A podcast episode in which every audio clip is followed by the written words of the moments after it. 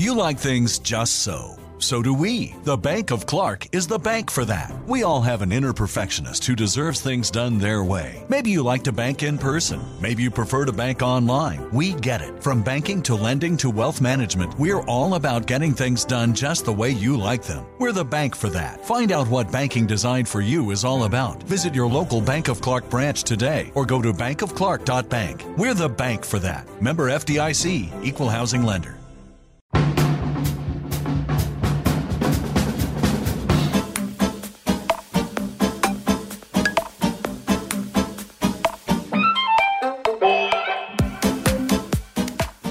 Yes, men da begynner vi. Halloen, eh, Sivert Mo. Hei, Kristoffer Schjelderud. Hvordan går det? Det går eh, ganske fint. Ja, du snakket om i, i sted at det var, det var litt for varmt og litt for bra vær.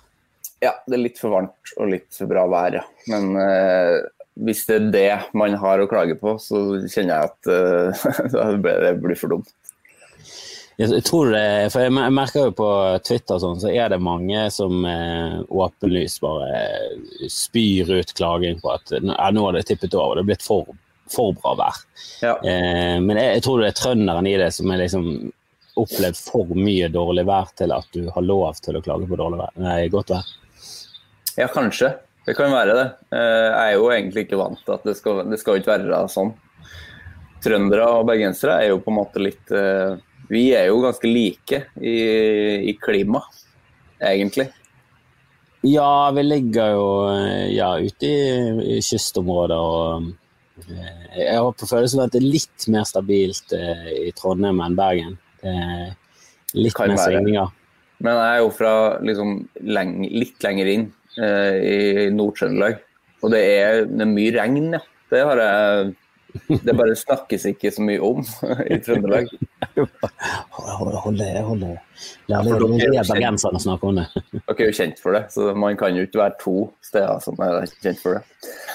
Nei, det, men det er jo altså Bergen og Vestlandet er jo verst, da. Det er, ja, det er altså De fjellene som står i veien for atlanterhavsluften, er jo en dårlig kombinasjon. Ja, hvis, du etter, hvis, du er ute etter, bra vær, så er du det. Men jeg, jeg tenker jo altså Det viktigste i verden er jo vann. Det er jo kanskje det viktigste du har for å, for, å, overleve på denne planeten. Eller en hvilken som helst planet. Det er jo det de mm. ser etter. Det var liksom, De fant ut at det var vann på Mars, så var det bare med en gang sånn Ja, men da, da må det være liv der, da. Ja. Altså et, En eller annen form for liv må det ha vært på en eller annen gang. Det kan ikke ikke være liv når det er vann. Så det er, liksom, det er jo eneste. Eh, altså sånn Jupiter, eh, Venus, ikke i nærheten. Så det er sånn, vi bare utelukker at det finnes liv der. Men med en gang vi ser vann, så er det liv. og Når det er såpass mye vann rundt meg, så føler jeg ikke at jeg kan klage på det heller. Nei, det er sant, det. Det er, liksom, ja, det, er liksom, det, det, er det som er indikatoren på at det, det finnes liv. Ja. Det har jeg ikke tenkt så mye på før. Jo, til og med på denne månen til eh, de har, Det er en måne som går rundt Jupiter som heter Europa. Eh, og den er dekket av, eh, av is, da, for det er jo kjempe, kjempekaldt. Men så har den en varm kjerne, og så mener de at de tror at det er vann under isen. Som er flytende, da. det, det vil jeg jo tro at det er vann ja. under isen der. Ja, for det er en sånn varm kjerne, og da, for det er jo en mm. gigantisk måne. Eh, så, så, da mener de at ja, det er, mest sannsynlig er det liv. Det er nok liv der òg. Vi vet ja. bare ikke hvordan og hvilket. Men vi tror det er liv. Så vann mm. er liv. Vann er liv. Vann er liv, skal jeg se. Fin setning, det. Eh, du Sivert, du har jo podkasten Anger som du har holdt på med ganske lenge. Nå startet opp snart tre år, tror jeg. Eh, Starta vel i oktober 2017. Så du startet liksom før podcasting var ja, Jeg vet ikke om det ble kult nå. Du startet vel når podcasting var kult? Eh, jeg starta da det var kult. Um, det var ganske mye da. Uh, jeg hadde en podkast før det som het Sur og sint. Og da husker jeg det var nesten ingen podkast. Altså, det har skjedd så fort. da. Det var liksom i 20, overgangen i 2016 til 2017. Da begynte det liksom å komme ting. Ja, men tror ikke du det kommer flere podcaster nå enn på den tiden? For nå føler jeg at det, jo.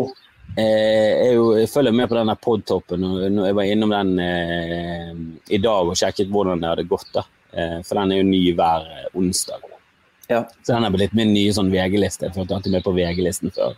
Det står interessant ja, å se hvilken uh, sjanger som gikk opp og ned. Og de hadde også en sånn VG-liste over TV-programmer, som jeg også syntes var sånn eh, gøy. å følge med på.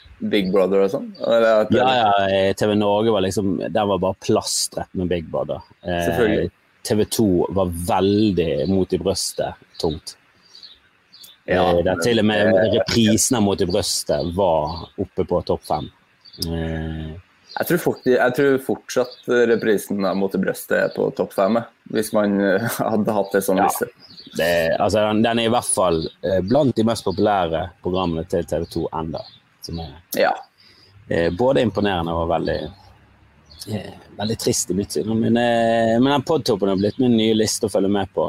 Og den er jo jeg faktisk med på selv, så det er ekstra spennende. Eh, men jeg har rykket ned nå til 140. plass. Eh, og det var ikke så mye ned på lyttertallene, men jeg tror det har kommet eh, fem nye podcaster siden sist som har gått forbi nå. Ja, sant. Altså det kommer liksom fem nye i uken. Ja, det virker liksom eh, Jeg, syns det ser så rart ut når det kommer nye podkaster nå. Det synes jeg er sånn, hva er det dere Det er litt, litt seint å komme med podkast, føler jeg. ja, for, men det blir, blir, jo litt sånn, for jeg startet jo veldig tidlig. Eh, jeg tror jeg var den første i Norge av komikerne. Og det er Fridtjof, for de har liksom tatt, tatt, æren for det. Og så har jeg sjekket, jeg sjekket Alex når de startet. Ja, og de startet etter meg. Jævla snikende. Eh, men eh, da var jo ingen, da var det ingen som visste hva podkast var. Eh, Nei, var det sånn 2009 du starta? Eh, ja, eller det var samme året som Fridtjof til de, det var bare to måneder før. eller Ja, ok. Så jeg husker ikke når de sa Jeg lurer på om det er ti år siden. Eller så er det elleve år siden. Ja, Har du med Stian Blipp uh, helt fra starten? Ja, ja, han var med. For han eh, fikk jo tilgang til studio til P5. Så han jobbet jo i radio, og så fikk vi lov til å spille en podkast der eh, bare på sånn Det var ofte ledig det studioet. Så da tok mm. vi alltid med oss komikere opp der og, og pratet. Og så Eh, bare fikset Stian til en sånn MP3-fil eh, ganske kjapt. Han greide jo selvfølgelig å sette seg inn i all teknikken i radio, så han lærte seg eh, alt det ganske tidlig. da. For han jobbet i en radiokanal der du måtte gjøre det meste selv. Ja, sant. Så det, var synd, at det, synd at det ikke blir noe mer av han. Ja, han, nei, han, han har jo ikke hatt en podkast siden, så det, det går, går, går, ikke bra. I hvert fall ikke på hører, Hører han ikke i det hele tatt? Nei, jeg har han ikke på øret i det hele tatt. Så det, han eksisterer ikke i min verden. Nei. Ja, men det var, det var jo gøy, det. Men eh, det, da var jo ikke podkast noe i det hele tatt. Det var i hvert fall ikke noe kommersielt. Det var jo først når Tusvik og Tønne da, da, føler jeg det liksom første gjennombruddet til podkast i Norge kom. Ja. Um, og da, da, holdt jo vi også på med en podkast som vi holdt på med på studentradioen, eh, som er tidig. Og da husker jeg at vi ble det var så få podcaster i Norge at vi ble hele tiden trukket frem som et eksempel på podkast. Det virket som at eh, Dagbladet og, og sånn skulle liksom prøve å overbevise folk om at podkast var kult. Så var det liksom ingen eh, Det var Tusvik og Tønne, og de var superstore. Og så var det bare sånn Hvem andre er det, liksom? Og da var, ble vi alltid nevnt. Eh, og det, og det var før liksom podkasten sto igjennom. Så når podkasten sto igjennom, da drev ikke jeg med noen podkast. Nei, nei, for du slutta jo. Og det angrer jeg veldig på. ja, det skjønner jeg at du angrer på. når, når, vi snakker med sjefsangreren i Norge. Jeg synes, uh, I det chat-programmet vårt nå, eller hva det heter, så står det 'skamfrelst skråstrek anger'. Det ser ganske ja. kult ut. Det er jo to følelser som jeg snakker veldig mye om. Ja, skam og anger. Ja. Det, de henger veldig sammen. Ja, det starter ofte i anger, og så hvis det ikke er så mye anger, så hopper jeg over i skam, så er det alltid skam der. Ja, men jeg, eh, tror du angring Altså, tror du anger er en um, Altså, er det en bra følelse? Altså, det er jo ikke en bra følelse, men uh, er det en konstruktiv Altså, tror du det er en bra eh, ting å holde på med? En god følelse? Følelse blir jo feil å si, men funksjon? Tror du han har en god funksjon? Eh, det kommer an på hvor mye tid du bruker på den. Altså. Eh, jeg kjenner at eh, sånn angring som jeg driver med, det er ikke bra. For jeg angrer på alt hele tida. Eh, sånn at jeg angrer på ting jeg sier hele tida mens jeg snakker. Det er ikke konstruktiv angring. Nei, men Er du litt sånn over i OCD-land, at, du, eh, at, det, at det, altså det, blir for mye? Det blir for mye fokus på det til at det er sunt? Jeg tror det har blitt det, og så tar jeg jo til meg nye ganger hver uke. Um, altså, hvis jeg har en gjest som sier jeg angrer på at jeg ikke uh, lærte meg å drikke rødvin, da kan jeg også angre på det. For jeg er ikke så god på rødvin. ja, er det så lurt å holde på med denne podkasten som hele tiden inviterer folk til å introdusere det for nye angringer? Jeg, jeg holder på så lenge jeg får lov av samboeren min, at det liksom går greit. For du har jo en podkast som heter Anger, der du inviterer. Det er vel en gjestebasert podkast. Ja. Der du eh, hver eh, uke så å si har en, eh, en ny gjest eh, som eh, snakker med deg i godt og vel en time om mm. egentlig ja, livet og angring. Ja, det er konseptet. og det, det, er et veldig enkelt og greit konsept, og jeg elsker jo sånne ting. For jeg elsker jo Eh, å høre ting som går gale, ting som eh, gikk skeis. Og ja, generelt ting som folk angrer på, syns jeg er veldig interessant og gøy. Det er kjempeinteressant.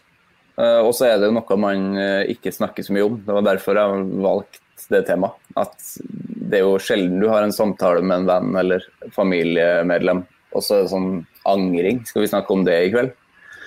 Det er jo ikke noe vi snakker om. Det er jo noe som er meninga at skal liksom ligge litt under teppet. Ja, der tror jeg ikke at jeg helt følger normen. For eh, sånn på sosiale medier og sånn, så eh, går det liksom igjen at folk snakker om at eh, sosiale medier, der legger du ut en, en, retusjert virkelighet, og du prøver å fremstå så lykkelig, og det er mange, mange som liksom er skilt rett etter påskebildene, der hele familien er samlet, og alle er så lykkelige. Og det, det, det, kjenner ikke jeg meg igjen i det hele tatt. Jeg, bare, jeg prøver å vise ja, jeg noe, Hvis jeg legger ut noe som er morsomt, så er det som oftest et eller annet som er på bekostning av meg selv. Det er jo det som er gøy.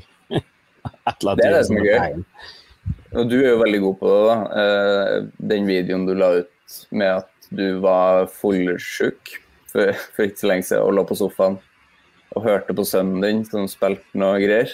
Ja, det, var, det, var, det var veldig morsomt. da. Åh, det var... Ja, det var mye anger der. Ja, og altså kan du ikke stoppe en liten gutt som koser seg med, eh, med synten som du selv har kjøpt, for at han skal eh, liksom eh, eksperimentere og ha det gøy med musikk. Så Men Går det ikke an å ha headset på, på, det? Jo, men han har ikke et headset selv, og de headsetene våre er ikke noe sånn særlig bra. Jeg har prøvd å, få det til, men han er ikke noe flink til å bruke de. Og så er ikke de spesialtilpasset til han i det hele tatt. Og så føler jeg også at det er litt tidlig å introdusere headset. Eh, det er mange unge nå som eh, sliter med hørsel fordi de går med headset hele jævla tiden. Det er det, ja. Eh, ja, det er et stort Men det, det, har de snakket om siden jeg var liten. Nå. Det var liksom et stort problem med hørselen til unge pga. Walkman. Så Walkman kom ja. til å gjøre alle døve, og så var det eh, Discman, og så var det MP3-spill. Altså det er jo Du skal jo ikke gå rundt med headset på full guffe hele tiden. Nei, i hvert fall ikke sånn Da jeg var ung, så var det jo Koss-headset. Det er ja. jo det verste som finnes i hele verden. Er det det, ja? Er det de verste? Ja, sånn lydmessig, fordi at eh, de, de lekker jo bare lyd. Altså, du kan ha på liksom et takk på uh, eh, MP3-spilleren din, som vi hadde på den tida, og så hører alle at du hører på Cannibal Corpse. Og, og da er det jo flaut, fordi at du hører på Cannibal Corpse i tillegg. Men det er veldig, veldig høyt. Jo, jeg liker jo helst de der eh, giga-headsetene som eh, noise canceler, sånn at du kan ja. høre på ganske eh, lavt, egentlig. Jeg mm. går jo ofte rundt med disse, og de er det mye lydsøl inn, da. Ikke så mye ut, men inn. Du må ha det veldig høyt for at du skal i det hele tatt høre noe som helst. Men greit, jeg hører for det meste på podkast, altså. Ja, jeg klipper alltid podkast med disse, fordi da vet jeg lydmessig, fordi jeg tror de fleste har de her. Eller AirPods, da. Det er veldig proft. Veldig proft. det er mer bare at jeg er ukomfortabel med å ha på meg headset. Jeg er ikke så veldig glad i det. Eller er det at du har veldig At du føler veldig på um, at du har altså Du er en fyr som angrer mye og skammer deg mye, så kanskje du er sånn ekstra påpasselig med at produktet ditt skal være såpass eh, bra for alle da, at, eh, at det, det, er ingen anger igjen når du gir vekk, vekk episoden. Det er en bra analyse. Jeg angrer aldri på en episode. Jeg er ganske sånn uh, Nei, ganske Ja, jeg gjør meg finurlig arbeid med liksom klippejobb og sånn. Det gjør jeg. Men jeg, jeg, jeg, lurte litt på den angerfølelsen. for jeg, jeg, så på Michael Jordan og denne dokumentaren The Last Dance. Eh, han virker som en fyr som eh, ikke ser på anger som en sånn konstruktiv kraft i livet. Så derfor Nei. Prøver han å gjøre det minst mulig. Og han viste menneskelige sider, for han har eh, jeg tror han har et par episoder i løpet av den dokumentaren der han eh, Spesielt en episode der han hakket løs på Eh, en av de liksom eh, ja, eh, mindre gode spillerne på laget. Da. En av de som var nyest og ikke hadde bevist noe. Og, og han var litt for hard mot han, og han skjønte det selv. Og da gikk han og sa unnskyld, og han sa unnskyld til treneren, han sa unnskyld til laget. Mens alle de andre han har skjelt ut, og noen av de har jo liksom blitt oppriktig forbanna, oppriktig lei seg. Men der er det bare sånn Nei, nei, men det trengte han å høre. Og greit nok ja. at han ble sur der, og han kan godt ha, han kan godt ha fått eh, ja, en følelse av at jeg hater den. Det driter jeg Vi vant.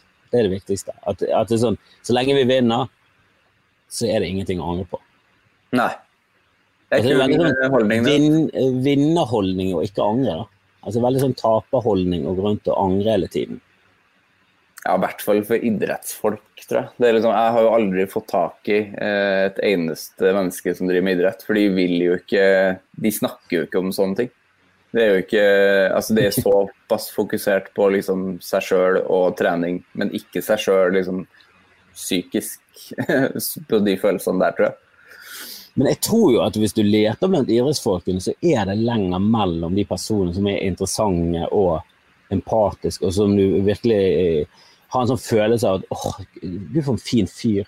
Det er ofte du ser sånn skuespillere og musikere eh, og sånn. Så, sånn som Brad Pitt, jeg så nettopp i noen, eh, jeg hørte han i et intervju, og så så jeg på programmet. Og Han var sånn, åh, det er en sånn åh, fy faen, virker som en fin fyr. Ja, han virker som verdens fineste fyr på ordentlig. Ja, bare sånn, så kult å være venner med han. Det var sånn helt ja. urealistisk. Skal ikke gjøre noe for det, for det blir helt pinlig eh, å stalke han for å bli venner med ham. Men bare sånn, åh, tenk å Tenk å bare bli venner med han. Virker som en sånn hyggelig fyr å være rundt. Han virker som en, et godt menneske. Ja, han er jo full av feil og anger og alt. Ja, og jeg har hørt liksom Brad Pitt i, um, i uh, Mark Maron sin podkast. Ja, den hørte jeg. Ja, og var, det var så jævla fint å høre at han var så utrolig fan av Mark Maron. Og det var utrolig rart for meg å høre. fordi at det var sånn der Mark Maron han har jo blitt større med årene, men at du har Brad Pitt uh, som er fan av det, det hadde jeg ikke, det hadde jeg ikke trodd. Han var nesten litt sånn starstruck og rar. Ja, og du merker jo at Mark Maron er litt sånn, blir litt satt ut av at Brad Pitt eh, liksom hører på han. Eh, ja, det, men det er, jo, det er jo han som fikk meg til å begynne med podkast. Det var jo Mark Maron. Ja, det er det samme. Eh, og jeg syns bare hele konseptet med å, å, prate med For i starten pratet han kun med komikere og venner. Jeg syns mm. bare det konseptet å prate med komikere sånn, det kan jo jeg få til. Vi har jo komikere som kommer til Bergen. Det der må vi klare å få til. Det kan ikke være så vanskelig å ta opp lyd og få det ut på internett. Nei, sant. Eh, men så vokste jo det der noe helt vanvittig. Det ble så, altså Etter Obama så er liksom Obama Rolling Stones tror jeg liksom var rundt den samme tiden. og da det blir, ja, det... Altså, det blir ingen som er større enn det. Nei, og det beste Altså, jeg syns jo Mark fortsatt er veldig bra. Og i hvert fall den episoden han hadde da han mista uh, kjæresten sin. Det tror jeg den, den orket jeg ikke høre. Jeg hørte den ikke ferdig. Jeg hørte et kvarter, og det var bare sånn åh, dette er Ja, det er noe av det beste i verden. Ja, uff. Det er det er bare sånn, åh, I hvert fall når du har fulgt han hele tiden og du bare vet hvor jævla dårlig han er i sånne forhold. For da blir kjent mm. han er så jævlig åpen. Eh, og de der intervjuene, eh, altså halvparten av intervjuene handler om han. Eh, ja. Så det er bare, du blir jo veldig godt kjent med fyren. Og han, har, han, virker som han er en fyr som har tatt store steg, for i starten så er han Der er jo han en eh, mislykket komiker som eh, er desperat eh, og snakker med venner, og så skinner det gjennom at han har ikke noe god kontakt med noen komikere, nesten. Han har brent broer i faen meg i årevis, og alle intervjuene starter med 'You good? We good?' ja, ja, stemmer det. altså, du, eh, ja, faen, husker du sist gang vi snakket? Ja, sorry, det, altså. Bare, det var alltid sånn haug med, med unnskyldninger og sånn. Mens nå har han liksom vokst litt, og det virker han, eh, han har begynt å få karrieren sånn skikkelig på skinner. Han er en av de, begynt å bli en av de store. Han har selvtilliten har vokst. Han virker som han har blitt et mye bedre menneske. Han finner drømmedamen, og de har det kjempegodt sammen. Ja, for det var det som var så utrolig trist, for det virka som han faktisk hadde landa. De var et sånn ordentlig bra par også, ja. Linn Shelton og han. Ja, jeg så nettopp en sånn serie der hun hadde regi. 'Little Fires Everywhere'. Mm. Og den var jo en sånn ja, Den var skikkelig bra, for det var en serie uh, Jeg tror det er en av få serier som har sett der liksom alle karakterene så å si hadde masse brister. Du heiet ikke spesielt på én person. Du skiftet litt meninger i, i hver episode. sånn, ok, Hun har faktisk ganske gode grunner til å gjøre det hun gjør, og så ser du neste episode så bare sånn ok, det var faktisk ganske asshole å gjøre det hun gjorde der. Og så yeah. neste episode så bare sånn ok, jeg forstår det litt mer, men ok, veldig sånn nyanserte karakterer. Jeg syns det var skikkelig ja, det var bra. bra det blir enda, altså det blir jo enda mer trist når det bare sånn uff, det, åh, Hun har vært med å lage den scenen. bare sånn, åh, Satan, hun døde jo nå nettopp. Hun var helt sånn ut av det blå. Jeg vet ikke om alle har fått det med seg, da, men eh, Mark Maron har en podkast eh, som er veldig stor. og så eh, ja, Du blir jo kjent med de som har podkastene. Så har han liksom eh, fått en kjæreste for vel et år siden. eller sånn. I hvert fall ganske nylig. Og det var bare Og så bare døde hun ut av det blå. Ja, det var noe sånn, blodgreier. Altså noe feil. Ja, det var nesten sånn Ja, altså bare sånn blodforgift. Et eller annet sånn rart noe. En eller annen mm. freaky ting som Og det skjedde fort, da.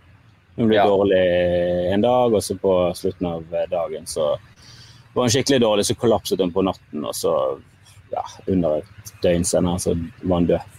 Og så lagde han jo podkast. Altså, det var to-tre dager etterpå. Det er noe ja. av det vondeste jeg har hørt. Men òg det fineste òg, da. For det er sånn her Han har den podkasten hver uke. Eh, og hva annet skal han gjøre liksom, hvis han skal fortsette? Så må jo nesten adressere det på et vis. Så snakka han jo om det i 20 minutter. Og ga ut et gammelt intervju med henne første gang de møttes. Som òg gjorde det bare Ja, det var helt jævlig. Men, uh, og, jeg, kom ikke, jeg, kom ikke, til det intervjuet. Jeg trodde hele episoden skulle være at han snakket, og det bare tenkte Vet du hva, jeg er ikke klar for å bli så deppet i dag, altså. Det var sånn skikkelig Det er ganske sjelden man er det, føler jeg. At nå vil jeg ned i det her, sånn følelsesmessig. Eller har du liksom den noen gang, at du oppsøker det? Nei, veldig sjeldent. Men eh, jeg har det litt som med, med filmer og sånn òg, at Eh, jeg skal leie en film eller se en film. Eh, det har liksom alltid vært sånn. Og så vet jeg at det er mange filmer jeg burde sett som jeg, som jeg hadde likt hvis jeg hadde sett det. Eh, og så går altså bare jeg sånn fuck it, jeg ser heller Starship Troopers om igjen. Jeg orker ikke det er dagen derpå. Jeg orker ikke noe sånn tungt nå. Men hver gang jeg går til det skrittet at jeg leier den Jeg husker det var en film som het Underground, en, eh, en jugoslavisk film. Eh, Eh, Jeg husker ikke hvilket land i Jugoslavia, men eh, et av de jugoslaviske landene. Eh, det høres bare trist ut med en gang når du sier at det er Ja. Eh, og så er det en litt sånn tung film, da, og de snakker eh, selvfølgelig et språk jeg ikke kan, så må, der må jeg følge ekstra med. Eh, og bare, Jeg syns det var tungt, men det var en sånn film som hadde fått masse stjerner og kan og hele pakken. og han så veldig bra ut, og jeg hadde aldri hørt noe drit om han. Så til slutt så tok jeg og leide han. Eh, det var når du leide filmer. Og Jesus mm. Christ, så bra han var. Det var jo en fantastisk film. Og det er jo sånn, Hver gang du går gjennom sånn, du, Når du har hørt ferdig den uh, What the fuck, så føler du ikke Du angrer jo ikke på det. Absolutt ikke. Det er jeg veldig glad for å ha gjort det. Og jeg kan oppsøke de følelsene noen gang, for jeg er veldig glad i seriemordere. Det er jo en setning. Det er jo jeg, ikke alle det. da. Jeg skjønner ikke hvis man ikke er det. Det er jo det mest interessante psyken som finnes. Ja, jeg tror alle er det. Og, hvis, og det er ikke sånn at hvis du, hvis du, ikke er interessert i det, så er du seriemorder selv. Jeg tror sånn, nei, nei, seriemorder er også interessert i seriemorder. Jeg tror alle er det. Selvfølgelig. Veldig Ja, det er et eller annet eh, veldig sånn um, Eh, ja, det er ikke sånn at du selv ser, det, ser for deg hvordan, hvordan, du skulle gjort det. Sånn. Det er bare Nei, det er det er noe av det mest som fremmede eh, for, eh, for, mennesker generelt, da, tror jeg. Å være Nå ringer det noe greier her. Nei, jeg hører, jeg hører. Du hører den? Kan jeg bare ta den? Kjapt? Ja da, du kan ta den. Yes, jeg bare snakket litt mens du var vekke. Var det en viktig telefon? Ja, det var min samboer som hadde hatt et jobbintervju og fikk jobb. Ah. Fikk jobb. Det var veldig kult. Gratulerer. Det er nesten litt sånn motsatt av McMahon. Det går jævlig bra for min samboer. Ja, det er faktisk Ja, hun er komplett motsatt av uh... Hun lever og gjør det bra. Herregud. Jeg føler litt eh. dårlig samvittighet av det. ja, jeg får litt, skammer meg litt. ja, jeg har fått jobb på uh, Høgskolen Kristiania, så det var gøye greier. Hun er veldig hun er flink, flink dame. Ja, gratulerer. Selvfølgelig er du sammen med en flink dame. Jeg hadde ikke trodd noe annet. Nei, kan ikke være sammen med en dum dame. er hun trønder eller en østlending, eller hva? Du, hun er sørlending. Hun er fra Mandal.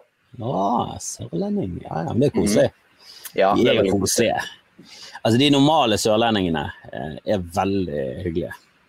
Ja, det finnes jævla mye rart der òg, ja. Uh, ja. Mye grums, selvfølgelig. Det er mye grums. Det er det overalt. Uh, men det er, det er, en sånn ekkel grums på Sørlandet, for der kan de være veldig blide og samtidig være veldig homofobiske og rasistiske. Så det er, sånn... mange, det er mange seriemordere der som ikke har kanskje blitt født ennå, eller uh, oppdaga? Jeg tror det, jeg tror det. For det, jeg merker at uh, Harry Hole og de der um, skandinaviske krimbøkene er litt glad i krim. Jeg syns de er lettleste, og det er spennende. og det ja. Det, det, er liksom Ja, det, det er sånn eh, bokekvivalenten til å se Starship Troopers om igjen. Det er, liksom, det er ikke så mye tankekraft, og du koser deg. Eh, men jeg begynner å bli litt lei av at det er hundrevis, bøttevis av seriemordere i Norden. Ja, det er liksom Hvor mange, mange Oslo-baserte seriemordere skal han Harry Hole ta? For jeg, jeg tror, tror, det er oppe i sånn åtte nå. Det er, det er litt for mye seriemordere. Det er litt for mye, og det er faktisk ganske urealistisk. Vi har jo bare én i Norge, og han er fra Trøndelag. Så Ja, er det Arnt Finesse du tenker på? Ja, jo da, du hadde jo, hun, eh, du hadde jo en sånn uh, sykepleier i, i, Bergen, og hun ble i hvert fall dømt for noe mord på Landås. Landås-saken, tror jeg det var. Der, der, var det litt sånn tilsvarende en sykepleier som, som knertet litt folk her og der. Fan, det er det liksom- skumleste, det er det skumleste jeg vet av det. At liksom sykepleiere som skal være de snilleste i verden.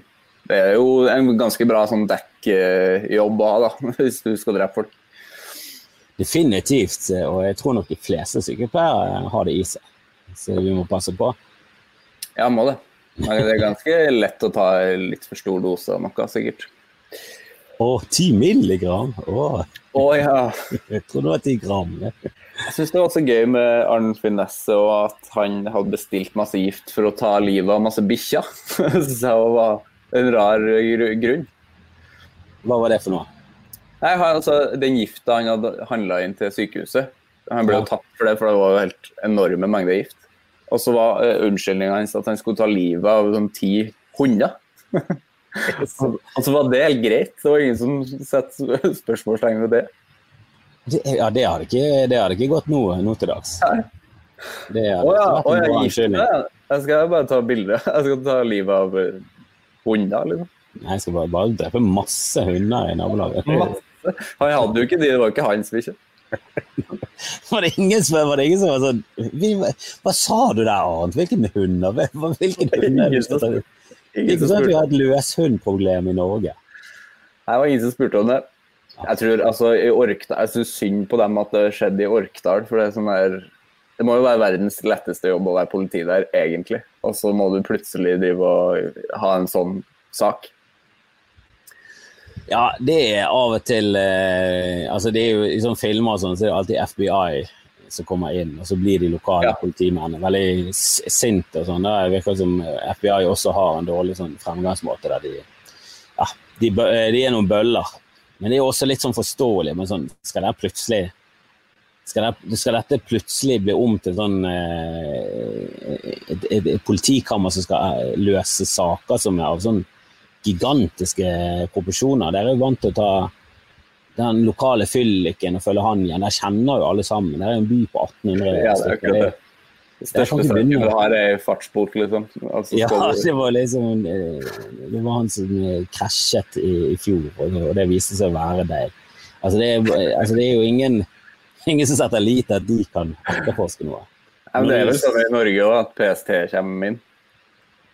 Jo, men i Norge så har han i hvert fall politiet som også ganske lang utdannelse. I USA så er får jo sånn eh, inntrykk av Det er kurs. Det er et kurs. Ja, det er sånn, er det, men det der er jo sånn Securitas-kurs. Jeg vet jo, Securitas har også kurs der du må gå i flere uker på det kurset. Ja, men til og med de har lengre eh, kurs, eh, hørte jeg. Altså, altså, det er et tulleland som må legges ned. Jeg, jeg er så fascinert altså det, Når vi snakker om seriemordere, jeg er jo evig fascinert av eh, USA òg, som jo er bakgrunnen for alle seriemordere som du er fascinert i. Det er jo som oftest eh, amerikanere. Ja. Det er bare et eller annet med det landet som er bare sånn Det er så differensiert og så Det er så mye galskap der. Det er liksom, de er de definitivt beste og verste innenfor de samme feltene.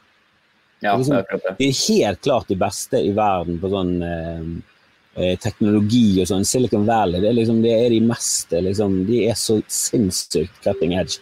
Og så er de samtidig de verste i Vesten på akkurat de samme tingene. De er liksom ja. elendige på, på visakort og sånn. Eh, jeg vet ikke om de bruker sjekker ennå, men det, er liksom, det sluttet de med nå.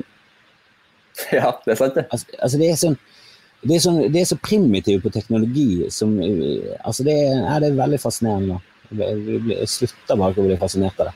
Jeg merker jeg kan så si så mye om USA òg. Ja. Det er fascinerende, men det er jo ikke et land jeg har lyst til å reise til lenger. Ehm, kjenner jeg at jeg er liksom ferdig med USA. Og Jeg har aldri vært der, så jeg har veldig lyst. Jeg må liksom oppleve New York. Eh, og jeg vil jo også ja, oppleve Der har jeg ikke vært heller. Eh, San Francisco kunne også uh, opplevd. Og eh, damen min har en eller annen link til LA, og vi kjenner et par stykker der. Sånn, så, men akkurat LA for meg liksom, jeg, jeg har sett hundrevis av serier og filmer. Jeg vet fortsatt ikke hva LA er. Nei, det er den kuleste setninga jeg har hørt, forresten. Dama mi har en link til LA. Det er god stemning. Det er, det, det, det, I virkeligheten er det definitivt ikke så kult som det høres ut i den måten. Hun har bare studert i San Francisco, så kjenner hun noen som bor der. Eh, men eh, det er, kult, det, er et fascinerende land, altså. Men seriemorder, det kommer jo en ny seriemorderserie som jeg gleder meg til på HBO Nord. Det kommer en ny seriemorder. Ja, det kommer en ny seriemorder. Jeg har det på følelsen. En, en, en ny serie? Med øks. Ja. ja, I Begun in the Dark. Det er hun eh, McNamara, ja, hun som eh, ja, var gift med Patten. Stemmer. Eh, om han Golden State Killer. Ja, hun jobba jo hele, altså mange, mange år med den saken der, jo. Ja, hun var vel forfatter eh, sammen med en komiker, og så jobbet jo hun med eh, ja, hun hadde en teori da om eh, at det var en, eh, en eh, seriemorder, og hun eh, jobbet med å finne ut hvem han var. Og så virket det som om politiet egentlig hadde gitt opp hele den saken. Mm. Mens hun bare kverner på. Og eh, ja, Ifølge Petten Oswald og andre så er jo den boken liksom, den var med å, å løse hele saken. Jeg har hørt at politiet er litt sånn Nei, Det hadde ingenting med saken å gjøre. Men det, jeg har i hvert fall gjort mye for å få oppmerksomhet på det. da. Ja, det er jo en kjempespennende sak. Som, det var en flink det var en flink seriemorder som ah, bare Jesus, han var holdt seg unna. Altså. Det, mm. det, var mye, og det var ikke bare serum, det var mye sånn breaking and entering og voldtekt, og så bare gå. Masse. Masse sånn kidnappelse av liksom familie. Og... Han var rett og slett gæren. gæren. Ja, men jeg, liksom, jeg, er ikke så inne i det true crime. Jeg syns true, true crime ofte er litt skuffende. Eh, for det første true crimen jeg så, var The Jinx. Og eh, det, det, det, det, er helt umulig å slå The Jinx. Hvis ikke du har sett The Jinx, så må du se The Jinx. Den er jo helt altså, Den var bare så gjennomført bra, og så fikk det liksom en sånn eh, nesten sånn M. Night Shyamalan-slutt på den òg. Så det var bare ja, Den var helt genial. Ja, det var kjempebra. Men òg eh, jeg syns Bundy Tapes på Netflix er noe av det beste jeg har sett av eh, Ja, av portrett, egentlig, av uh, Ted Bundy. Men det er jo den, den, den, interessant. Ja, den har jeg ikke sett. Ja, han er jo helt Men han er alltid altså, han, er, han er en av de seriemorderne Han tror jeg var den første jeg lærte meg navnet på. Jeg husker ja, jeg så en uh, film da jeg var liten eh, litt for liten. Det er han som spiller hovedrollen i NCIS. Han litt så eldre ja. karen der. Litt sånn kjekkas. Han har spilt Bundy, ja. Ja. han spilte, og da, På den tiden var han jækla kjekk. Da var han sånn Tom Cruise-kjekk, nesten. Han, så ut som en, mm. han, var, han var liksom B-Tom Cruise. Ja. Så han spilte TV-filmen om Ted Bundy. Og jeg husker jeg, jeg, Min mor de var litt for slepphendt med hva vi fikk se. Ja, Det, det høres ikke bra ut å se. Nei, nei, nei, og, nei, nei var, jeg var bare sånn ni eller ti, og den var, den var brutal. altså. Ted Bundy var grusom. Det, var Bundy sånn, er jo det rystende allerede. Liksom, eller det rystende nå. Ja, ja, ja, ja, når du hører hva han Og i den filmen så Det var jo selvfølgelig ikke sånn ultrablodig, det var liksom ikke Tarantino som hadde laget han. Men eh, eh så når, når, han liksom slo i hjel eh, jeg tror de viste den scenen når han slår i hjel de der damene inne på denne sorority-en. Så viste oh, de det fra hans syn, da. Eh, eller, eller, du så han, da. Men blod sprutet jo i trynet på han. Du, skjønte jo hva som skjedde. Det var ganske, ganske brutalt, så da ble jeg veldig fascinert i hele han. da. Og det navnet også klinger veldig bra. Ted Bundy. Bra navn. Nydelig navn. Ja. Det, ja, det er kjempebra navn. Jeg, prøver, jeg har alltid prøvd å skrive noen låter med Bundy. for jeg synes det, Noe sånn Bundy-ballad eller noe. Det høres ganske kult ut. Ja, ja definitivt. Men uh, altså, den, har du sett den filmen med Zac Efron og han spiller han? Ja, jeg syns den var bra. Jeg synes den Zac Efron den er kjempebra. Imponerte ganske mye, må jeg si. Han, han, var, litt, han var bare litt for sterk. Ja, absolutt. Han spilte jo inn den rett etter Baywatch. Så han var jo eh, litt, litt sterk i overkroppen der. Ja, han var litt for definert. Han skulle vært litt mer sånn 70-tallslapp. Eh, ja. Jeg er sikker på at Ted Bundy var tilsvarende eh, bra fysikk for 70-tallet, men det var generelt sett ganske slapp fysikk på hele 70-tallet. Var lite definerte sixpats. Ja, og James Hetfield gjør jo uh, sin, sitt livs rolle der, som politimann. Ja. James Han er veldig god, veldig god der. Kjempebra. Og litt sånn Tom Waits-feeling på hele fyren. Jeg håper han blir litt det. Jeg håper ja. han gir seg litt med musikk nå snart. Eller gjør noe annet. Ja, det er et eller annet rart med, med den type musikk. Eh, Stones føler jeg liksom er sånn ja, det, det, det, ja, det, De klarer liksom å slippe unna med å kjøre liveshow og sånn. Det, det, er noe parodisk over det òg, men det, er enda mer parodisk med de der metallbandene som skal være så jækla in your face tøffe, da. Ja, det begynner jo å bli barnslig. Det er jo det jeg syns med Metallica, dessverre. Jeg er veldig fan, egentlig, men eh, nå begynner det å bli litt trist. Ja, det blir litt sånn eh, på en måte litt Men samtidig Det må jo være vanskelig. For det, jeg vet da faen hvor mye penger som er nok. Jeg tror, de, jeg tror Nei, de alltid ser på at det er andre som har mer. Så det at, eh, Hvis ikke du har mer enn Paul McCartney, så har ikke du nok. Du får aldri mer enn han uansett. Så. Ja, men jeg snakka med en kompis om det der i går, uh, om Metallica. At det er jo uh, Altså, James Hetfield fortjener jo medalje for å ha vært i band med Lars Ulrik i 30 år. Altså bare det. Tenk så mye penger Altså, ingen penger i verden gjør jo verdt det. Altså, han er jo et rasshøl av en fyr. Det er jo ingen tvil om. er det Lars som er har liksom blitt syndebukken i det bandet som eh, Ja, men som Lars liksom... er, han er kjempekjip. Uh, og han er ikke uh, Altså, jeg er lei av de der kranglene. Da. Han er så dårlig trommis. Det, sånn, det, er ikke så nøye. Uh, han er, virker bare som en veldig kjip fyr. men er han en dårlig trommis? Nei, jeg syns ikke det. Han er, sla, er, blitt slappere, men altså, du kan se hva du vil. Han er, med, han er trommis i Metallica. Så det er ikke så ja, jeg har følelsen av at de fleste av de der eh, trommisene i de der store bandene er De er habile, alle sammen. Ja, altså han holder jo Det er jo Ja ja, det, jeg syns det er greit. Men eh, det skinner bare gjennom at han er litt men akkurat trommiser har så lite peiling. Jeg er rimelig musikalsk, jeg har spilt i band, men akkurat trommer har liksom ingen anlegg for. Nei. Jeg syns det er et ekstremt vanskelig instrument.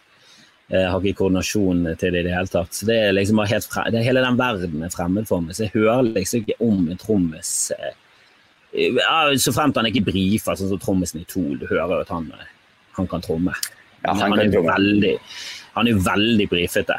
Altså, jeg syns Tool er liksom det eneste sånn brifebandet, flinkisbandet, som jeg fortsatt syns eh, altså, Som jeg kan høre på uten å irritere meg over hvor jævla flink i er. Jeg syns det er mye interessant der i tillegg.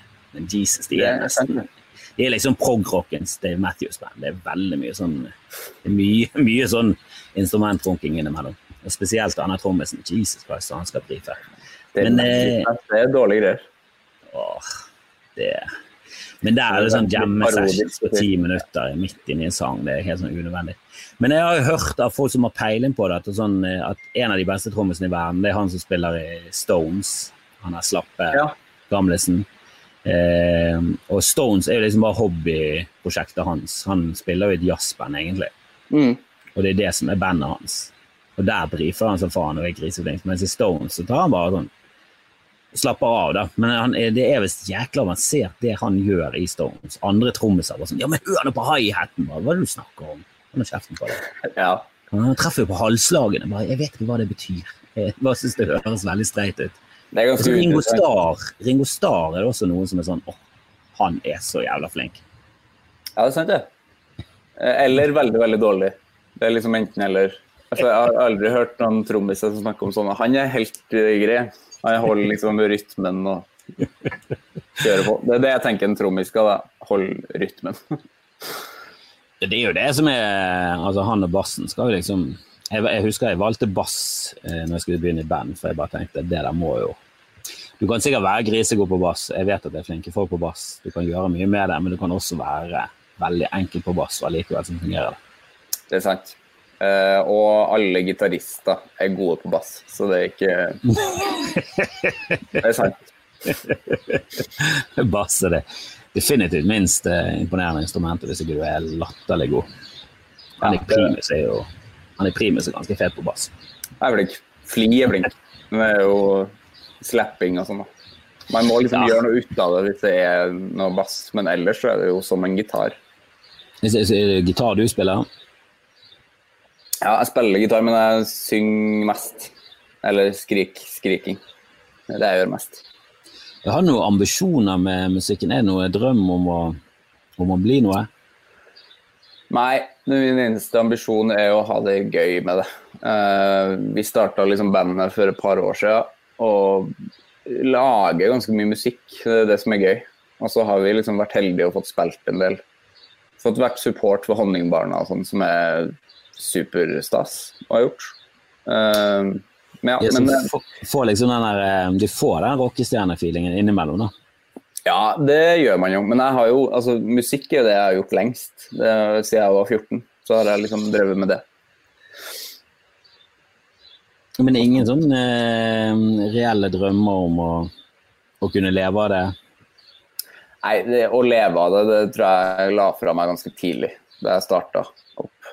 Jeg har liksom drevet, jeg har lagd popmusikk, jeg har lagd plate liksom, og en EP i eget navn. Uh, og hadde ei låt på P3. Det var liksom det. Og du har det, det var, ja? Ja, det var på en måte mål, uh, det, da. Og det gikk. Uh, det er faktisk introlåta på Anger, hvis du som hører på, hører på Anger. Det er den låta som var på P3, som jeg har lagd. det visste jeg ikke. Nei, så det er jo noe. Men ellers så altså det meste jeg gjør, er jo punk og rock, liksom. Og da Du kan ikke ha så mye ambisjoner med det. jeg tror ikke det er mulig. Det er liksom Kvelertak og sånn som kan ha ambisjoner. Det viktigste er å ha det gøy med det. Ja, det er jo mange i Norge som har liksom jobbet på lenge. og Jeg husker når Glucifer sluttet, så var det sånn Men nå er jo dere nå har de liksom begynt å komme opp på det nivået der det faktisk Slutta faen meg på verdens dummeste tidspunkt uh, i karrieren sin. Ja, var, jeg, jeg, har alltid heid på Glucifer. Eh, kult band og bra Kjempebra. musikk. Og, og, så begynte de å få noen hits etter hvert. Eh, og så begynte de å stige oppover på plakatene på de festivalene. Og så det føltes nesten som ja, når den musikksjangeren også begynte å bli litt sånn mest mulig kommersiell eh, attraktiv og nå, bare sånn, Hvis de pusher på nå, så kan det være at de får en internasjonal karriere. Så sånn, ja, men nå gidder vi faen ikke mer. Altså. Jeg, jeg, skal jobbe som journalist, og han jobber i blomsterbutikk. Altså, det var sånn plutselig bare Jeg har, har snakka med Fridtjof eh, Jacobsen i podkasten. Ja. Eh, apropos drøm, det var en drøm å få liksom en ambisjon å få han på besøk, fordi han stiller jo ikke opp på så mye. Um, for han er absolutt en barndomshelt av meg. Men uh, det var så jævla interessant å høre liksom, hvorfor de slutta. Fordi det begynte å bli Altså, rockelivet var så konformt. da. Det ble sånn Han visste hva han skulle uh, til enhver tid. Sånn, da spiller vi i Trondheim, da spiller vi i Bergen, da møter vi de folka. Det er akkurat det samme. Det var sånn utrolig gøy å høre sånn, det livet som man tenker er liksom veldig, veldig kult og ikke konformt. At det var det som var konformt. At det liksom var mer fristende å gå til Dagsnytt 18. det var gøy. Ja, jeg ville heller jobbe som 9-4 som journalist. ja. Jeg mener at han er faktisk en av landets beste også, da, som eh, politisk kommentator. Ja. Jo da, herregud. Han, eh, han fikk jo sitt sånn eh, nasjonale gjennombrudd i 22. juli-saken, men jeg hadde jo hørt om han før det òg. Og han har jo alltid skrevet jækla bra. Når han skriver en, en kronikk i VG, så er det alltid med sånn ja, Du lærer alltid noe, det er alltid et eller annet perspektiv som du kan tenke på. Han er, han er utrolig flink. Han virker som en sånn ufattelig fin fyr. Også, Han er helt fantastisk. Eh, og det var vel det kanskje det nærmeste jeg har vært litt sånn starstruck når jeg fikk sitte med han. Fordi eh, ja, det er et veldig, veldig fint menneske. Jeg har liksom Egon Holstad og Fridtjof Jacobsen, det er folk jeg setter veldig høyt sånn av journalister. Ja, Egon også. Ja, han er han greier faen meg alltid å, å finne frem litt, litt sånn som South Park. Når South Park tar tak i temaet, så klarer de alltid å briljere mest. Det er alltid de som har den beste taken på det. Og, eh, Egon er Norges South Park? Eh? Ja. Egon er sånn, Når han skriver om en sak, så kan han alltid være sånn ah, det er dette jeg mener. Fra nå av er det dette jeg mener. Akkurat det Egon sa. Ja, kanskje Norges morsomste band, faktisk. Eh, hvis han bare hadde drevet med humor, så hadde det gått, det òg, tror jeg. Ja, definitivt. Han kunne, kunne, kanskje hatt litt mer ambisjoner i den retningen. At han uh, kunne vært mer med å lage noe TV-greier. Ja, han var jo med på Roast, husker jeg, da det gikk på TV. Ja, men han var jo med som seg selv og skrev uh, sine ting. Men jeg, ja. altså, han kunne vært mer med å, forme ting, da. Ja, det burde han faktisk gjort. Uh, han, han, har en jækla, han har et morsomt hode, han ser ting Han har et veldig bra perspektiv og en interessant stemme, da. Kjempe. Absolutt. Det jeg skulle si, nå, ja. Ted Bundy-filmen igjen på Netflix. Ted Bundy tilbake. Drit i Egon. Han har ikke drept noen. Nei, ikke så vidt jeg vet. Kanskje Tommer er veldig irritert på de norske turistene som kommer. Så, men uh, det som Du snakka om at den TV-filmen var liksom ekkel. Men det er det som var så bra med den Netflix-filmen, at den er så jævlig ekkel uten å vise noe. Du ser jo ingenting av liksom det han gjør. Det er det som er utrolig skummelt å se. Fordi man vet hva som har skjedd, liksom. Ja, jeg, jeg synes han eh, Jeg var jo skeptisk med en gang Zac Efron uh, sto der. Uh, så var det sånn Zac Efron, altså. Ikke det han er fra ikke han fra High School Musical eller noe sånt. Han er fra en eller annen sånn møkkagreie opprinnelig. Han var sånn tenåringsidol. Jeg må si at han gjorde sakene veldig bra.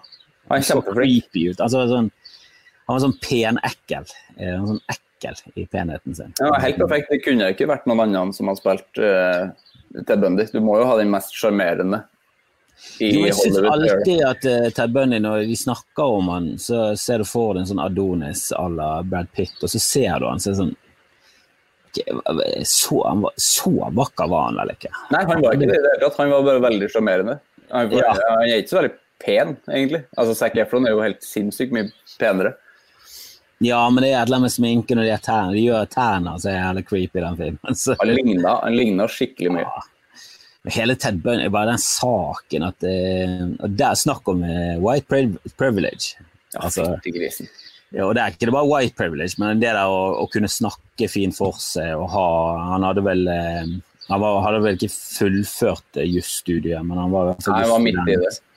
Eh, så han kan liksom lingoen. Så de dommerne og sånn altså bare Han dommeren som dømmer han i den siste rettssaken, han blir dømt, så er det sånn Åh, du unge mann, du hadde Du kunne valgt en annen vei, og dessverre, dessverre valgte du bare sånn Hva er det du snakker om? Han er jo et monster. Han, ja, han er veldig, dommeren er veldig glad i han, for han var jo tydeligvis helt sinnssykt flink eh, hvis han har blitt advokat. da.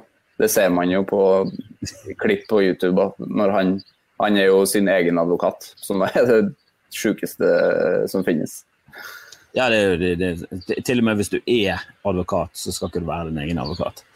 Nei, det, det er jo kjempedumt. Hvis Ellen blir dømt, så er han advokat for seg sjøl. Nei, hvis Elden blir dømt, så sitter Brynjar Meling der. Brynjar Meling sitter der. og vice versa. Er... Erland Bakke og sånn sitter vel også der. ja, han har plutselig blitt manageren. Det var ingen som skjønner hva han gjør der. Jeg, jeg vet ikke, han får 20 Det er ingen som skjønner hva, det, er skumle, det er skumle greier. Det er skummel sak som det sikkert kommer til å komme noe ut av miljøet der. En buregjengen. Bure ja, definitivt. Vi må ikke, vi må ikke tirre de for mye. Ja, da får vi jo et søksmål på I hvert fall i, trussel om søksmål. Det er det beste. Det er alltid du, sånn. Har du blitt blokkert av han, eller? ja, jeg har blitt blokkert av de fleste det, i den gjengen, tror jeg. Jeg har det, jeg òg, men jeg kan ikke huske å ha sagt noe høyt. Men det kan være at jeg har sagt det i en podkast. Eh, ja, nå er jeg, jeg er jo ikke en sånn som blokkerer folk. da. Eh, mest fordi jeg aldri har noen problemer med mm, så mye hat. Eh, jeg, tror mm. må, jeg, tror du rett og slett må bli eh, treffe større eh, for å, å, få de der haterne. Eh, ja. Det er som oftest folk som er ganske så poppis og nesten sånn folkekjære. De, de får ofte litt hatere. Mm. så jeg jeg synes det der, Noen har så sinnssykt lav terskel for å blokke. det. Jeg husker jeg ble blokket av David Vatne, og det var bare en sånn uskyldig spøk en gang. Eh, for jeg bare gjorde narr av han at han skulle på Lars Vaular-konsert. Så var han så veldig sånn Han snakket så mye om det. Så skrev, så skrev jeg et eller annet sånt Jeg vet ikke helt om Lars Vaular. De syns det er så kult at du, du, du og dine venner er den gamle. Så, så fikk jeg passet mitt påskrevet og ble blokket, men nå har han avblokket meg. Så nå er stemningen tilbake igjen. Jeg skjønner ikke blokking, eller jeg skjønner det jo, fordi de tør jo ikke og de vil jo ikke se at folk er uenige med deg. Det er jo derfor eh, altså, Ørjan blokkerer absolutt alle. Fordi at eh, Hvis du ser i kommentarfeltet hans, så har jeg jo fortsatt tilgang til han fordi at jeg har en anger-Instagram. Eh, det er ikke ah. blokka. Min er, ikke, min er blokka.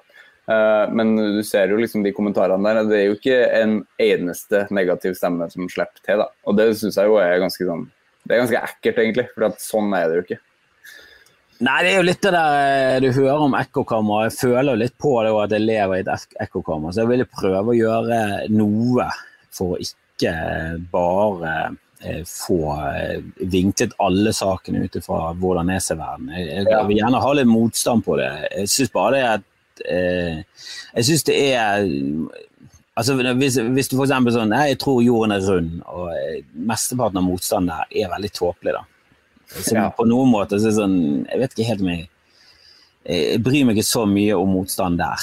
Men så når det kommer til vaksine, så har jeg lyst til å følge litt med på hva de antimotstanderne, antivakserne, egentlig mener, og hva de sier. For det, det føler jeg er et voksende, stort samfunnsproblem. Det er, ja, det er, jo skum, det er skumle folk, eh, potensielt. Altså I hvert fall de som har barn da, og er veldig antivaksere. Det er jo kjempeskummelt. Ja, det er og det, og det, Men jeg, jeg, har fortsatt ikke landet på hvilken side. Jeg er veldig på den ytringsfrihetssiden.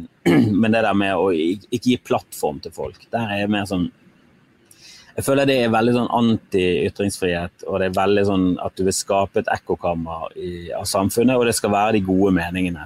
Ja. Og så jeg vet ikke om folk tenker så mye på at de gode meningene er jo bare de du mener er gode. Og det, ja, alle mener at det, altså, Manshaus mente at han gjorde en god ting. Men Manshaus mente at han gjorde en god ting fordi han har hørt andre si det. Altså, det, er det, verste, det det dummeste jeg har hørt. Han har jo ikke en eneste mening sjøl. Ja, altså, når det kommer til terrorister, så har jeg ikke så veldig respekt for noen av dem. Men Manshaus er liksom Han virker som den dårligste og lateste og dummeste av de alle. Altså, man kan ikke kalle han en terrorist heller, faktisk, for det er for uh det, det, blir en hedersbetegnelse å kalle han det. Ja, i hans ord er det nok det. Nei, mm. Du burde finne på et nytt ord. For han er, han er ikke en antiterrorist, det er han definitivt ikke. Men han er jo en flopp. Altså, han er ja, så til de grader. Eh, men Fikk 21 liksom, år, det var bra. Ja, definitivt. Og forvaring. Men han er så jævla ung, så det, når han er altså om 21 år, så er det ikke så Han er jo ikke så gammel. Men det er litt sånn, ja, han, han greide jo å radikalisere seg selv. Og, og, det er jo litt det samme som eh, folk som blokker gjør. De skaper sitt eget ekkokammer. Han har jo helt klart bare designet sitt eget ekkokammer, der han kan bare ja, bare vokse i, i, i sånn nasjonalromantiske fjotteteorier. Ja. Eh, og omhylle seg med det, og, og, så bare klikke fullstendig. Eh, det, det, er nesten sånn av design at du blir terrorist hvis du gjør det på den måten der. Ja, og så er det jo alt han sa i rettssaken, det var jo bare sånn Å ja, det her uh, har man hørt i samme rettssal i 2012, liksom. Det var jo Breivik sine ting. Ja, og Breivik har jo også cut and pastet uh, mesteparten av det. Manifestet har jo Unibomber og andre som i hvert fall tenker sine egne tanker. Men Breivik står igjen som liksom ganske suksessfull i, blant terrorister, da, siden han liksom fikk drept så mange, dessverre. Ja, definitivt. Han er jo en helt i det miljøet der. Det mm. sier jo bare alt om det miljøet. Eh, selv om det er mange av dem. Men det, du hører liksom rimelig oppegående folk òg, som er sånn altså oppegående i anførselstegn her, men det er liksom normale folk som har normale jobber, og de har familie og sånn. Og de kan jo lire av seg ting som at Eh, ja, altså det, det, han gjorde på den øyen, var jo forferdelig. Men eh, regjeringskvartalet og, sånn, og du syntes det var greit med den bomben der? Det var uskyldig. Det var jo byråkrater og sånn som døde. Ja, det var jo ikke, Han tok jo ikke makta. Det var jo ikke Stortinget han tok, liksom. Og skulle han gjort det som et symbol, så kunne han i hvert fall hatt eh, Altså i hvert fall eh, gjort det når det ikke var noen der. Altså bare mm eller sprengt, sprengt denne løven utenfor Stortinget. altså Bare gjort noe symbolsk. Hvis det absolutt skulle bare være et symbol. Han tok jo bare uskyldige byråkrater. Mm. Og en haug med barn. Det er jo helt Det er helt jævlig. Ah, helt jævlig. Men det blir liksom bedre hvis alle sånne meninger blir skuffet under teppet og later som om ikke folk har de? Nei, det blir jo ikke det. Det er jo det som er farlig, tenker jeg da. At uh, det må jo høres. Jeg syns VG har faktisk uh, blitt ganske bra på å vise uh, ganske sånn feil meninger. De hadde liksom en svær sak om en fyr som hadde kreft for litt tid siden. Ja. Og det var jo, Folk ble sure på det, men det var sånn her, jeg syns VG hadde ganske bra svar på det. At det her må også fortelles. Og ikke bare liksom uavhengig uavhengige medier skal si det. Ja, men det er en sånn balansegang, for du vet at eh, hvis det står mye om selvmord, så eh, går det opp. Ja, eh, men er det bare en sånn kortsiktig greie, eller er det sånn generelt? For det er sånn eh, Vi har jo skuffet selvmord under teppet nå eh, siden tidenes morgen. Det er ja. først i det siste at vi har begynt å åpne opp litt og faktisk si det som det er. og, eh, og si at folk har tatt sitt eget liv, til og med folk som ikke er sånn superkjendiser. Det er fortsatt jævla vanskelig å prate om. Eh, det kommer alltid til å være vanskelig å prate om det der, da. Ja, men det er liksom eh, Det blir jo ikke bedre at vi ikke prater om det. Nei, det blir jo mye verre. Men jeg hadde, jeg hadde en hel podkast om selvmord. Det var en lang time i mitt liv. Eh, selvmord med, altså med Peder Kjøs. Ja. På den eh, ja, markeringa for selvmord som er en gang i året. Eh, og kjenner jo at det er så utrolig ukomfortabelt å snakke om. Fordi man graver litt i Jeg har jo absolutt eh, mine psykiske ting sjøl, men jeg har aldri vært helt der. Men det, når du begynner å prate om det, så det er ganske hardt. Det, du graver i stygge ting. Ja, det er så mørkt og Men det er kjempeviktig å snakke om det. Selv om det høres ut som en klisjé, men det er det faktisk. Fordi at uh, ja. Det virket litt som at eh, For jeg så på sånn statistikk at, eh, at selvmord hadde gått ned ganske sånn jevnt og trutt frem til 2010. Eh, 2011, ja. og rundt den tiden så begynte det å stige igjen.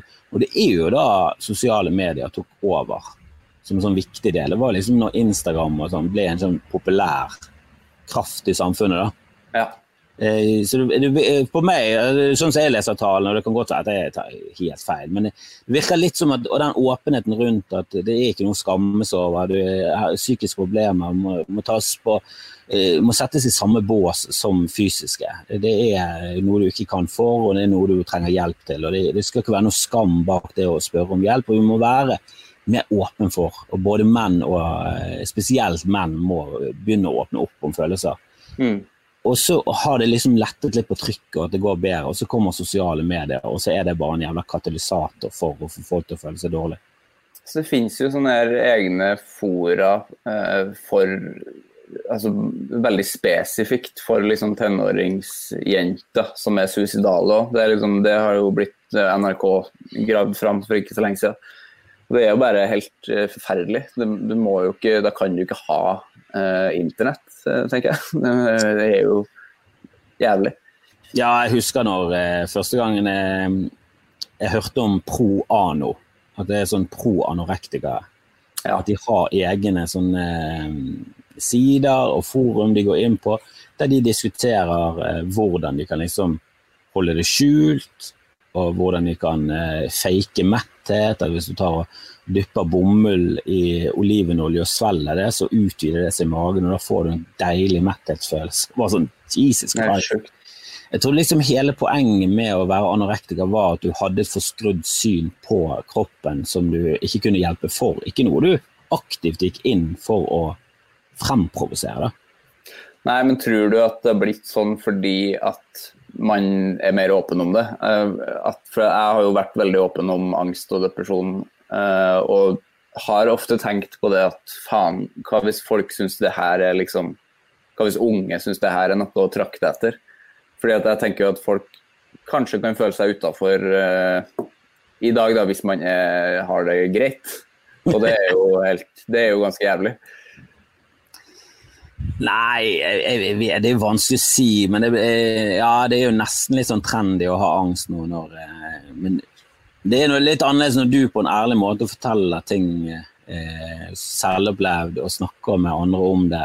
Eh, mm. og når f.eks. hun Anjo ligger veldig deilig i sengen med rumpen opp i en liten truse, og så skriver hun eh, Og så sto det vel bare angst. Ja, det, sånn, hva, hva, prøver du å selge angst, eller hva er det? Dette ser ut som en parfymereklame. Altså, du kunne bare byttet ut angst med, med Loreal. Altså, det hadde vært det samme, samme bilde. Angst, hvis det er angst. å, ligge der. ja, det, ja, men det er jo litt sånn. Det er jo, og det er jo måten du har solgt ting på gjennom faen med sin reklame startet. Det var jo å ha fine damer som gjorde det.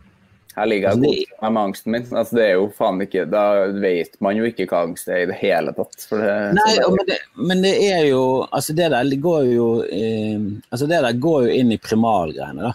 Altså Vi har jo vært eh, Jeg leser denne Sapiens-boken nå. Vi har jo vært liksom vi har jo vært som naturmennesker i 70 000 år, og så har vi vært mm. siviliserte, eller bymennesker i 10, 10 000 år. De fleste av oss eh, enda mindre. Så i genet våre så er vi jo aper. Vi er bare ja. veldig flinke til å prate og snakke om det. Eh, så det der med å se en fin dame som er liksom eh, deilig, som ligger i en seng, og så er det liksom for å promotere angst, det er et eller annet veldig feil her, da. Det er kjempefeil. Eh, og jeg håper jo at man ikke jeg håper, altså Unge, unge nå altså Det er jo veldig smarte folk. Jeg så, jeg så en sak fra Bergen. Som var liksom, det var en barneskole hvor de ikke hadde mobbing i det hele tatt. Og det gjorde meg ganske glad å se. For det var sånn to eh, gutter på sju år som sto veldig åpent og prata. De hørtes ut som de var 19. Og var sånn der Nei, vi snakker om følelsene våre. Altså Derfor er vi alle venner. Og sånn der, faen, du sju det, det var helt eh, Da begynte jeg nesten å gråte, for det var veldig, veldig fint å se. Og litt, eh, litt lite troverdig òg, for det var en stor skole. Altså der, er, det, er, du sikker på at det ikke er mobbing her? Mobbing får man jo ikke vekk eh, helt, men hvis det er sant, så er det jo kjempebra. Nei, men mobbing kommer jo ofte av altså Alle har jo ikke bra hjemme, og så går, eh, kan det tas med til skolen. Det er jo mer det, måten du håndterer det på. Da. Jeg syns det er rart når lærere sier at de ikke får med seg ting. Mm. Jeg vil jo tro at, altså Jeg jobbet i barnehage, du, du fikk jo med deg ting. Du fikk jo med det når eh, noen ble holdt utenfor. Du fikk jo med det. Du fikk kanskje ikke med det alt, men i skole så er det nesten enda mer regulert i klasser. Sånn. Det, det, det, bør jo være fuckings hovedfokus til lærere. Eh, og, det, og jeg, er jo av, den, av det synet at du må bare gi mye mer penger, mye mer eh, pumpe inn penger i alt som har med, med skole og barnehage Altså, jeg, jeg, jeg, tror den delen av samfunnet er noe du kan forbedre veldig. Ja, Det er jo liksom der alt grunnlag eh, legges. Jeg jobba også i barnehage i fire-fem år med de aller minste barna. og Det er jo faen meg skummelt å se hvor tidlig det kommer, den der uh, utfrysninga. Og ja, de utestenger jo hverandre når de er ett år, liksom. Hvis de setter dem i et rom. Og det er ganske ja, det er ganske stygt. Så det ligger jo i mennesker, det der. Jo da, mennesker er ja, Mennesker er ikke sånn i utgangspunktet veldig gode. Det er ingen tro på. Vi er ikke de beste. Men eh, jeg, jeg syns måten man håndterer ting som er gale på, er jo mye viktigere enn at, ting, at, at det kommer til å skje feil. Mm er altså det er sånn så, så de som mener at du skal eh, streve, streve, for å få et rusfritt samfunn. For meg bare sånn, det, Hvilken planet lever dere på? Hvem er dere rundt? Hvilket ekkokammer lever du i som gjør at du tror at, du, at alle mennesker skal leve rusfritt? Mm. For Sånn som jeg kjenner mennesker, så er det veldig mye behov for rus både på positive og negative eh, måter. Ja, og har de, har de menneskene sett og hørt Christer Falk prate. Altså, det er jo altså, Han syns jo sukker og uh, kaffe er det samme som heroin, og det mener han på ordentlig.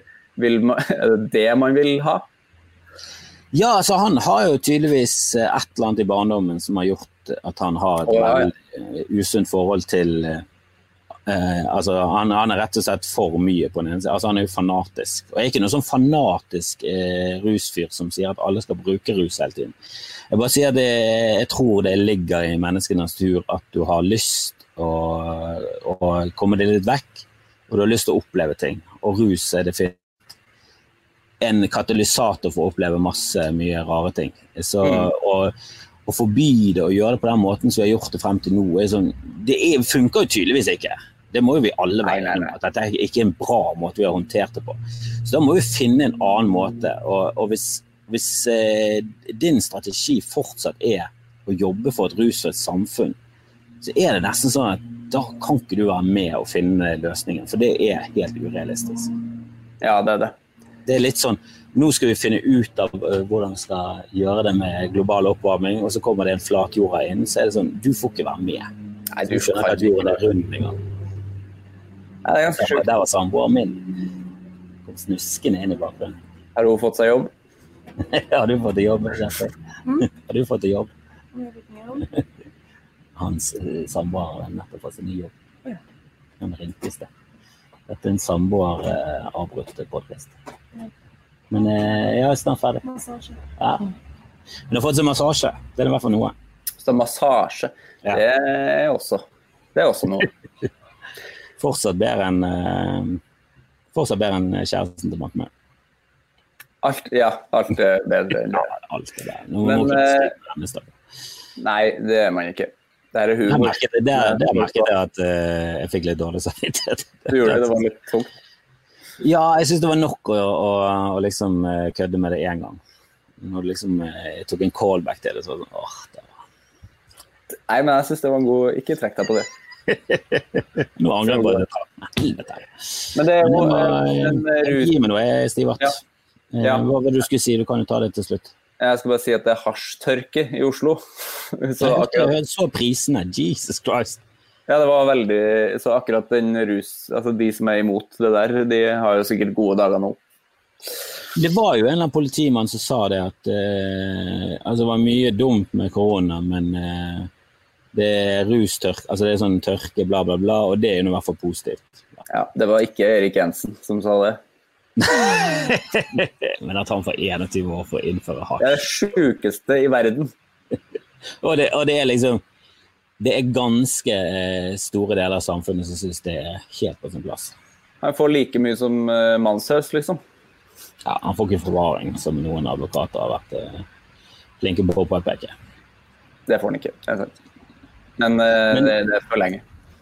ja, det er helt Altså, jeg skjønner at han må få en straff. Han er jo tross alt politimann som er korrupt og er med å hjelpe kriminelle. Men 21 i Norge, det er liksom Jeg tenker altså Cappelen fikk jo 13.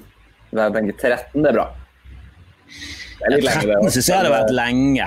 Eh, altså, du får 13. Hvis jeg dreper deg, så får jeg 13. Jeg tror ikke du får så mye, eller? Nei. Jeg vet ikke. Hvor lenge satt eh, greven inne? Fikk han 21? Pykker pakker. Eh, han satt vel i 16, tror jeg. Ja, ok, han fikk kanskje en, men han, han, viste så, han viste vel ikke så mye anger, gjorde han det? Nei, han har jeg faktisk ganske lyst til å prate med men samtidig absolutt ikke. Det er jo et ja. helt grusomt menneske. Det er du hvis du hører på Varg. Han heter vel ikke det lenger? Han heter Nei, nok fransk?